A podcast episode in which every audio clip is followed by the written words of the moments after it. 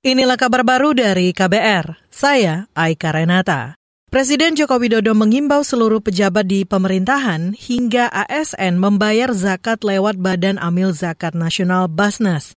Seruan itu disampaikan Jokowi mengingat saat ini memasuki Ramadan dan menjelang Idul Fitri. Dalam kesempatan yang sangat baik ini saya menghimbau kepada seluruh umat Islam khususnya pejabat-pejabat negara, aparatur sipil negara, BUMN dan seluruh kepala daerah di seluruh tanah air untuk menunaikan kewajiban zakatnya melalui Basnas sehingga dana zakat dapat dikelola dengan profesional, transparan.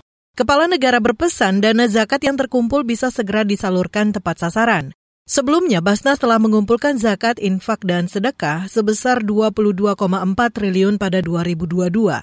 Jumlah itu meningkat sebesar 58,03 persen dibanding tahun sebelumnya. Tahun ini Basnas menargetkan bisa mengumpulkan 33 triliun. Kita beralih, KPK menetapkan Bupati Kapuas Kalimantan Tengah Ben Brahim S. Bahat dan istrinya Ari Egani Ben Bahat sebagai tersangka kasus korupsi. Wakil Ketua KPK Johanis Tanak mengatakan penetapan tersangka ini dilakukan setelah ditemukan dua alat bukti yang cukup. Dan penahanan tahap pertama ini dilakukan selama 20 hari terhitung sejak tanggal hari ini 28 Maret 2023 sampai dengan 16 April 2023 di rutan KPK pada gedung Merah Putih ini. Wakil Ketua KPK Johanis Tanak menambahkan keduanya diduga menerima uang dari SKPD Kapuas.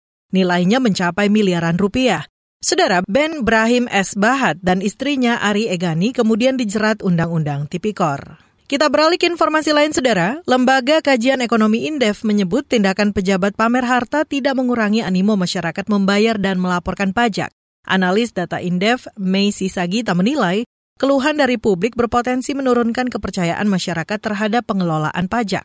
Namun, hasilnya tidak mempengaruhi rakyat untuk enggan bayar pajak. Ternyata narasi rakyat yang malas bayar pajak ini itu timbul karena rakyat yang melihat gaya hidup pejabat, pejabat pajak yang mewah-mewah. Korupsi dan gaya hidup pejabat pajak yang mewah ini itu menimbulkan rasa kepercayaan publik terhadap DJP itu menurun, sehingga mengakibatkan juga uh, masyarakat untuk malas bayar pajak.